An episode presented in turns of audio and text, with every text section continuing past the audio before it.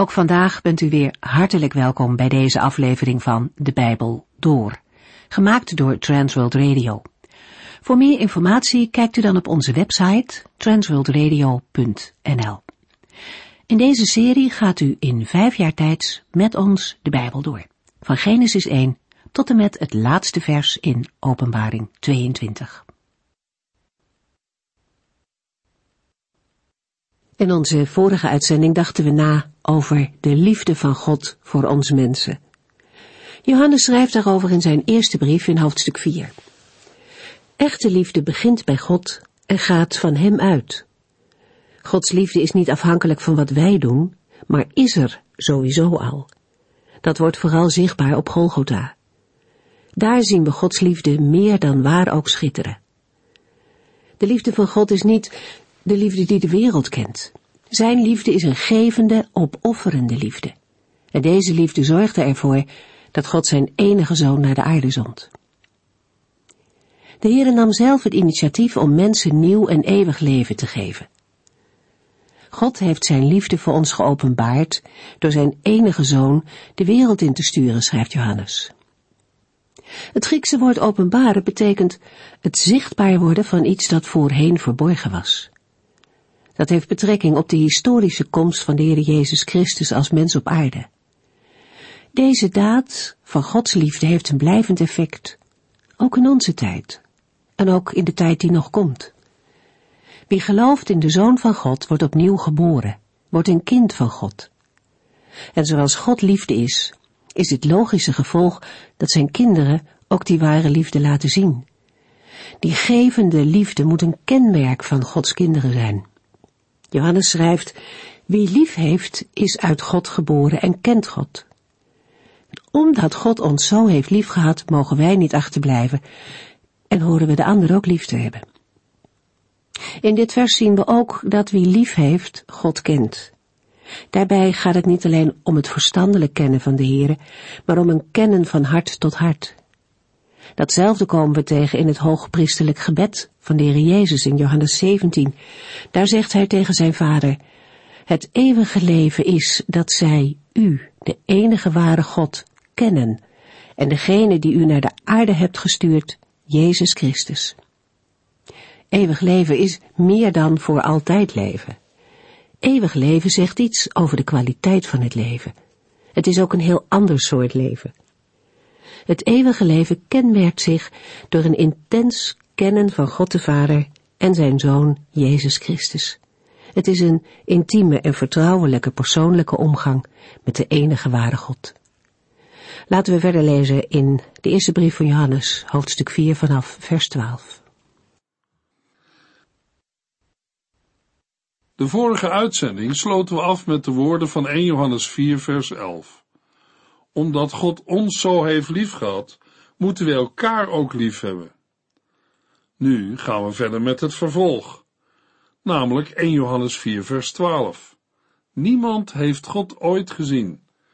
Maar als wij elkaar lief hebben, leeft God in ons, dan is Zijn liefde volledig in ons aanwezig. God is geest. Niemand heeft hem ooit gezien. In 1 Timotheus 6 vers 16 lezen we, hij is als enige onsterfelijk en woont in zo'n helder licht dat geen mens hem kan benaderen. Geen mens heeft hem ooit gezien of zal hem ooit zien. Voor hem is de eer en de eeuwige macht voor altijd. Amen. God is de enige die onsterfelijkheid bezit. Hij kan die aan mensen verlenen. Dat God een in zo'n helder licht woont dat geen mens hem kan benaderen, is een directe aanval op de gnostici, die van mening waren dat de ziel van een mens langs de weg van de gnosis, de kennis, weer met God verenigd kon worden. De ontoegankelijkheid en de onzichtbaarheid van God zijn een aanduiding voor zijn goddelijkheid en verhevenheid boven de mensen. Het zien van God, van aangezicht tot aangezicht, is dan ook nog toekomstige werkelijkheid. Maar dat houdt niet in dat God zich niet wil laten kennen. Daartoe heeft hij zich in de geschiedenis voortdurend geopenbaard, in het bijzonder in de Heer Jezus. maar nooit in zijn volle heerlijkheid. Ook de profeten Ezekiel, Daniel en Johannes hebben in hun visioenen maar iets van de heerlijkheid van God gezien. Voor hem is de eer en de eeuwige macht voor altijd. De eer wordt aan God gebracht door mensen en engelen. De kracht gaat van hem uit. Deze onzichtbare God heeft duidelijk gemaakt hoe en wie hij is in Jezus Christus. In Colossense 1 vers 15 en 16 schrijft de apostel Paulus, in de persoon van Christus is de onzichtbare God zichtbaar geworden. Hij is als eerstgeborene verheven boven de hele schepping. In Christus is alles in de hemelen en op aarde geschapen, al het zichtbare en onzichtbare. Koningen en wereldheersers, regeringen en andere autoriteiten, alles is in Christus gemaakt tot zijn eer. Jezus Christus is ook de bestaansgrond voor alle aardse en bovenaardse levende wezens. Met koningen en wereldheersers, regeringen en andere autoriteiten bedoelt Paulus in Colossense 1 vers 16 verschillende soorten bovenaardse engelenmachten. Paulus noemt ze omdat de dwaalleraars in Kolosse engelen vereerden naast of in plaats van Christus. Maar niet deze engelen beheersen de wereld, maar Christus.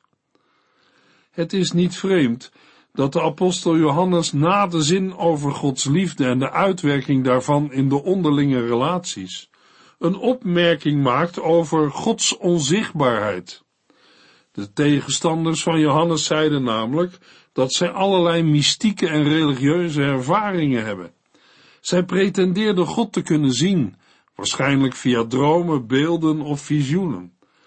Maar dat werd tegengesproken door hun gedrag, hun dagelijkse levenswandel en leven, waarin van God geen spoor te ontdekken viel. Bij hun pretenties van het direct zien of kennen van God gingen zij voorbij aan de liefde. Maar waar de liefde van God ons ertoe brengt elkaar lief te hebben, daar komt juist zijn liefde in ons tot haar doel. De onderlinge liefde is geen aanvulling op Gods liefde, maar komt uit haar voort. Maar, zal iemand zeggen, in het Oude Testament waren toch ook mensen die zeiden God te hebben gezien? Zeker. We lezen het van Adam, vervolgens van Mozes, die met God van aangezicht tot aangezicht sprak, en werd verborgen in een rotskloof toen de Heere voorbij ging.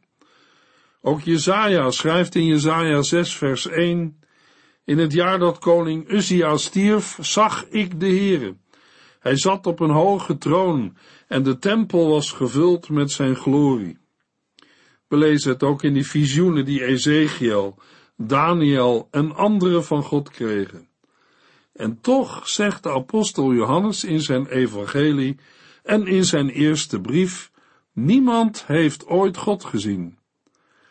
In Johannes 1 vers 18 lezen we achter de woorden, niemand heeft ooit God gezien de toevoeging, maar zijn enige zoon, die één met hem is, heeft ons laten zien wie God is. Hoe moeten we dit nu precies interpreteren?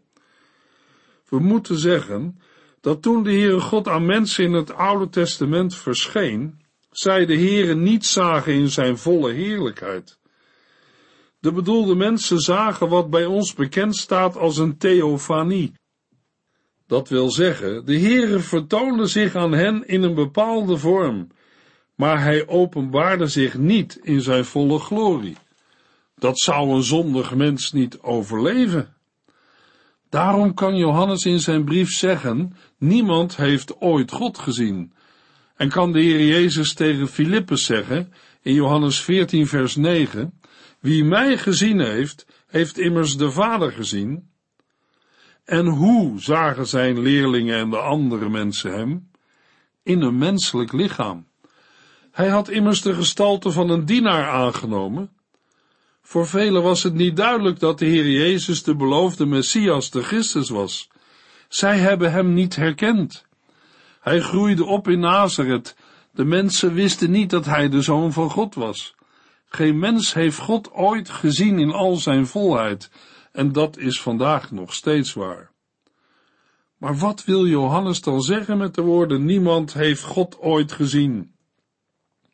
Zoals we al eerder aangaven, komt dit mede door de dwaalleraars die spraken over een zien van God. Maar deze mystieke bespiegelingen zijn het christelijk geloof vreemd. De woorden van Jezus in Johannes 14 zijn geen mystieke bespiegeling, maar het zien van de heerlijkheid van God in de aardse verschijning van zijn Zoon Jezus Christus. Daarom worden de woorden ook verbonden met de onderlinge liefde van de gelovigen. Immers daaraan zullen de mensen zien dat de gelovigen kinderen van God zijn en volgelingen van de Heer Jezus. Als Paulus in Romeinen 3 vers 11 en 12 schrijft, er is niemand die verstandig is, niemand die God ernstig zoekt, alle zijn afgeweken, tezamen zijn ze onnut geworden, er is niemand die doet wat goed is, zelfs niet één. Dan is het toch bijzonder liefdevol en genadig, dat de Heere zulke mensen opzoekt en zich aan hen openbaart. Dan begrijpen wij beter wat Johannes in 1 Johannes 4 vers 10 schrijft. De liefde waarover het hier gaat, is niet onze liefde voor God, maar zijn liefde voor ons. Daarom stuurde hij zijn zoon, die de straf voor onze zonde op zich heeft genomen, om de verhouding tussen God en ons weer goed te maken. Niemand van ons zou vandaag van Gods liefde hebben geweten, als de Heere het niet zelf aan ons mensen had geopenbaard. Laat er dan vandaag dan ook niemand zeggen dat God niets aan de ellende van deze wereld heeft gedaan. De Heere heeft de gevallen mensheid niet in haar ellende en dood laten liggen, maar legde al onze zonde en schuld op zijn eigen en enige Zoon, Jezus Christus. Hij werd doorstoken en verbrijzeld ter wille van onze zonde. Hij werd zwaar gestraft, zodat wij vrede konden hebben. Hij werd geslagen en daardoor werden wij genezen. Wij zijn het die als schapen afdwaalden. Wij verlieten Gods paden en gingen onze eigen weg. Desondanks legde God de schuld en zonde van ons allen op hem. Hij stierf voor onze zonde en nam onze straf op zich. Wat een liefde! Ik kan niet anders dan met ontzag en in verwondering zeggen, Heere, dank u voor het kruis. 1 Johannes 4 vers 13 En hij heeft ons zijn heilige geest gegeven. Daardoor weten wij dat wij één met hem zijn en hij één met ons is. Aan het begin van het hoofdstuk heeft Johannes opgeroepen niet iedere geest te vertrouwen. Ook heeft hij opgeroepen elkaar lief te hebben. Vanaf vers 13 wordt dat nu meer persoonlijk uitgewerkt. Wat de apostel in dit vers onder woorden brengt, heeft hij, zij het met kleine verschillen, ook al gezegd in 1 Johannes 3 vers 24. De woorden dat wij één met hem zijn en hij één met ons is, duidt op de volledigheid en intimiteit van de relatie. De realiteit van Gods nabijheid wordt ervaren door de werkzaamheid van de Heilige Geest. De Heere heeft ons zijn Heilige Geest gegeven, wat duidt op een gebeuren in het verleden, maar doorwerkt in het heden. Het werk van de Heilige Geest in de gelovigen kan op verschillende manieren tot uiting komen, namelijk door genadegaven, door te getuigen van Christus en zijn naam te beleiden. Bij Johannes zal het gelet op het verband gaan om de liefde. Het is de Heilige Geest die gelovigen doet liefhebben. In Gelaten 5, vers 22 lezen we, maar de Heilige Geest brengt ons tot betere dingen. Liefde, blijdschap, vrede, geduld, vriendelijkheid, mildheid, trouw, tederheid en zelfbeheersing. In de Griekse tekst wordt gesproken over de vrucht van de geest. Het enkelvoud vrucht legt nadruk op de ene bron, in al die verschillende facetten van het werk van de Heilige Geest gaat het erom dat we Hem zelf aan het werk zien. Daarom opent de liefde de rij. Vanwege vers 6 en 13 en de parallel met 1 Corinthians 13 vers 4 tot en met 6 mogen we de liefde wel het samenvattende kenmerk noemen, waardoor de gehele vrucht van de geest wordt gekarakteriseerd. De liefde zoekt zichzelf niet en staat lijnrecht tegenover het vlees, de werken van onze zondige natuur. De blijdschap is de vreugde over de redding in Christus, de bron van de liefde en al de andere kenmerken. De vrede ziet op de heelheid, de ongebrokenheid van de relatie met God en tussen broeders en zusters onderling. In geduld, vriendelijkheid en mildheid letten we eerst op het belang van de ander, voordat we naar onszelf kijken. Het woord trouw of geloof heeft gezien de context primair de betekenis van trouw tegenover mensen. Het is duidelijk dat de grond hiervoor, net als bij alle andere facetten van de vrucht van de geest, ligt in de relatie met God. Wij kunnen alleen trouw zijn omdat wij op de trouw van God mogen steunen. Wij kunnen alleen lief hebben, vrede kennen, vriendelijk zijn enzovoort, omdat God ons eerst heeft liefgehad.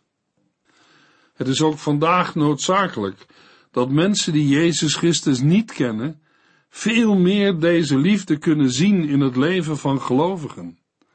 Het is essentieel en fundamenteel dat dit onderwijs over de liefde van God door zijn kinderen heen, in daden en woorden, wordt geleerd en gepraktiseerd in de christelijke kerken en gemeenten. De onderlinge liefde van de gelovigen en de liefde tot de naaste geven in de kerk en maatschappij de houding en opstelling als een barmhartige Samaritaan.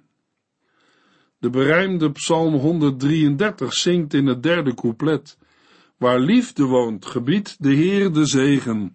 Daar woont hij zelf, daar wordt zijn heil verkregen en het leven tot in eeuwigheid. Johannes schrijft in 1 Johannes 4 vers 13, en hij heeft ons zijn heilige geest gegeven. Daardoor weten wij dat wij één met hem zijn en hij één met ons is. In 1 Johannes 4 vers 4b lazen we over de heilige geest. Hij die in u woont is machtiger dan hij die de wereld beheerst. De heilige geest woont in een gelovige en de Heilige Geest kan de vrucht van de Geest voortbrengen in ons hart en daardoor kunnen wij onze broeders en zusters en onze ongelovige naasten liefhebben. En vol van de Heilige Geest zullen wij in staat zijn Gods liefde aan de wereld, dichtbij en ver weg, door te geven. Ook daarvoor is een gelovige uitgekozen, om de grote daden te verkondigen van God. Hij die u geroepen heeft vanuit de duisternis naar zijn heerlijk licht te komen, om overal te vertellen hoe goed en groot God is in zijn Zoon Jezus Christus. 1 Johannes 4 vers 14 Omdat wij het met eigen ogen hebben gezien, getuigen wij ervan dat God zijn Zoon gestuurd heeft als redder van de wereld. De gedachte die in vers 14 onder woorden is gebracht, doet denken aan de eerste verse van 1 Johannes 1, maar is toch iets anders van inhoud. Johannes denkt in vers 14 niet alleen aan de oor- en ooggetuigen, maar heeft ook de ervaring met de levende heren van de christelijke gemeente als geheel op het oog. Het werk van de Heilige Geest blijft niet beperkt tot een innerlijk gebeuren. Het uit zich ook in het getuigenis naar buiten. De inhoud van het getuigenis is dat God de Vader de Zoon naar deze wereld heeft gezonden. God de Vader heeft hem gezonden als redder of heiland van de wereld. De aanduiding redder van de wereld omvat alle aspecten van wat Jezus Christus aan redding, behoud en heling heeft bewerkt in deze wereld. Een wereld die God de rug toekeerde en keert maar desondanks voorwerp blijft van Gods zoekende, nodigende liefde. 1 Johannes 4 vers 15 Ieder die dit gelooft en zegt dat Jezus de Zoon van God is, blijft één met God. Hoewel Jezus de redder of heiland van de wereld is, worden niet alle mensen behouden. Redding vraagt om een persoonlijke keuze en een persoonlijk beleiden dat de Heer Jezus de Zoon van God is. Van Christus getuigen of hem beleiden houdt meer in dan het louter en alleen uitspreken dat de Heer Jezus Christus de Zoon van God is en op aarde is gekomen. Beleiden omvat ook een gehoorzaam volgen van en vertrouwen op Jezus Christus. Wie zo met zijn hele wezen gelooft en beleidt, ontvangt de belofte dat God en de beleider met elkaar verbonden zijn en blijven. Het Griekse woord voor beleiden spreekt over een openlijk, publiekelijk beleiden. Mogelijk denkt Johannes aan een openlijk getuigenis dat bij de doop werd afgelegd. De apostel Paulus schrijft over de inhoud van de beleidenis in 1 Corinthians 15 vers 3 en 4 het volgende. Het belangrijkste van het goede nieuws dat ik heb ontvangen en u heb doorgegeven is dit. Christus is voor onze zonde gestorven, zoals voorzegd is in de boeken. Hij werd begraven en is op de derde dag weer levend gemaakt, wat ook in de boeken stond. 1 Johannes 4 vers 16 Wij hebben de liefde van God leren kennen en vertrouwen daarop. God is liefde. Wie blijft liefhebben, blijft één met God. Vers 16 grijpt terug op wat eerder is gezegd. De liefde die God heeft tegenover de gelovigen hebben de lezers leren kennen en vertrouwen daarop, dat wil zeggen, zij geloven dat God liefde is. De lezers hebben hun vertrouwen metterdaad in God gesteld, en dat heeft een concrete uitwerking in hun leven. Johannes spreekt hier niet alleen over een helder inzicht in Gods liefde, die gestalte heeft gekregen in het leven en sterven van Jezus, maar met name over de persoonlijke ervaring van die liefde in het leven van de gelovigen. Voor hen is Gods liefde geen vraag of theorie, maar een werkelijkheid, een feit dat ze hebben ervaren en nog steeds ervaren.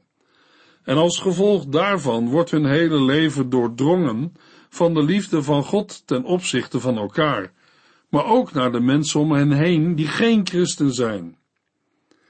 In vers 16 herhaalt Johannes ook de geweldige uitspraak uit vers 8, namelijk, God is liefde. De apostel trekt daarbij de conclusie dat wie in die liefde blijft, ook in God blijft. Dat wil zeggen, God kent en met hem verbonden blijft. En daarbij, lazen we in vers 15, één blijft met God.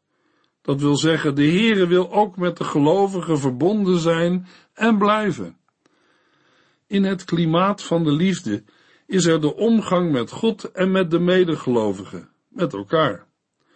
De verbondenheid met de Heer in het heden veronderstelt geloof in wat Hij in het verleden heeft gedaan in de persoon van Jezus Christus. 1 Johannes 4 vers 17 Als de liefde in ons haar doel bereikt, kunnen wij vol vertrouwen de dag van het grote oordeel tegemoet zien, omdat wij in deze wereld leven zoals Christus er leefde. De in vers 16 genoemde wederkerigheid maakt dat de liefde tot zijn doel komt. Liefde als vrucht kan groeien en toenemen. De bedoeling is dat de liefde tot volledige ontwikkeling en ontplooiing komt. Deze groei van de liefde in de gelovigen leidt tot vrijmoedigheid op de dag van het oordeel, omdat de harten van de gelovigen hen niet veroordelen. Het gaat er onder andere om geen angst te hoeven hebben voor het oordeel. Voor de ongelovigen zal deze dag een dag van verschrikking en angst zijn, maar niet voor het verloste volk van God. Levend in en vanuit de liefde mogen zij vol vertrouwen de dag van het grote oordeel tegemoet zien.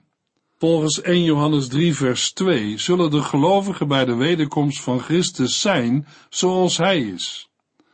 Maar de gelovigen worden nu al opgeroepen te leven zoals de Heer Jezus leefde, namelijk in ware liefde tot elkaar. Bij de wederkomst zal ook het oordeel over de ongelovigen plaatsvinden. 1 Johannes 4 vers 18 In de liefde is geen plaats voor angst. Integendeel, de volmaakte liefde verdrijft de angst. Angst houdt altijd verband met straf. Wie nog angst kent, kent de volmaakte liefde nog niet. Als het om de dingen van God gaat, is er vaak angst en onzekerheid in het hart van mensen. Johannes laat in vers 18 zien dat een kind van God geen angst voor het oordeel hoeft te hebben. Immers, Christus heeft het oordeel en de straf voor de gelovigen ondergaan en gedragen. Hij heeft de zware schuld verzoend en gezegd, het is volbracht. Daarna heeft God de Vader hem opgewekt uit de dood en zit hij nu aan de rechterhand van God de Vader en vandaar zal hij terugkomen om te oordelen de levenden en de doden. 1 Johannes 4 vers 19 tot en met 21 Dat wij hem lief hebben, komt doordat hij ons het eerst heeft liefgehad. Als iemand zegt dat hij van God houdt, maar een hekel aan zijn broeder of zuster heeft, is hij een leugenaar. Als hij niet van de ander houdt, die hij kan zien, hoe kan hij dan van God houden die hij nooit heeft gezien? God heeft duidelijk gezegd dat wij niet alleen van Hem moeten houden, maar ook van onze broeders en zusters. De liefde tussen God en de gelovigen kan niet zonder gevolgen blijven voor de omgang van de gelovige met zijn broeders en zusters. Als een gelovige zijn medegelovigen niet onzelfzuchtig en op een praktische manier lief heeft, zoals God ons, dan kent hij God niet. Zo iemand, zegt Johannes, is een leugenaar. De toets voor onze liefde ten opzichte van God is de liefde voor de ander. Het is daarom onjuist te zeggen God lief te hebben en de broeder of zuster die naar Gods beeld is geschapen links te laten liggen of te haten. In de volgende uitzending lezen we 1 Johannes 5 vers 1 tot en met 4. U heeft geluisterd naar De Bijbel Door, in het Nederlands vertaald en bewerkt door Transworld Radio. Een programma waarin we in vijf jaar tijd de hele Bijbel doorgaan. Als u wilt reageren op deze uitzending of u heeft vragen, dan kunt u contact met ons opnemen. Tijdens kantooruren kunt u bellen op 0342 47 8432 0342 47 8432. Ook kunt u een e-mail sturen naar de Bijbel door at transworldradio.nl en natuurlijk kunt u ook via de post ons bereiken. TWR, postbus 371, postcode 3770, AJ in Barneveld. Dit programma werd gepresenteerd door Cor Weda en Ike André. Techniek was in handen van Odin van Voerkom. En wij allemaal bedanken u voor het luisteren. Graag tot de volgende keer.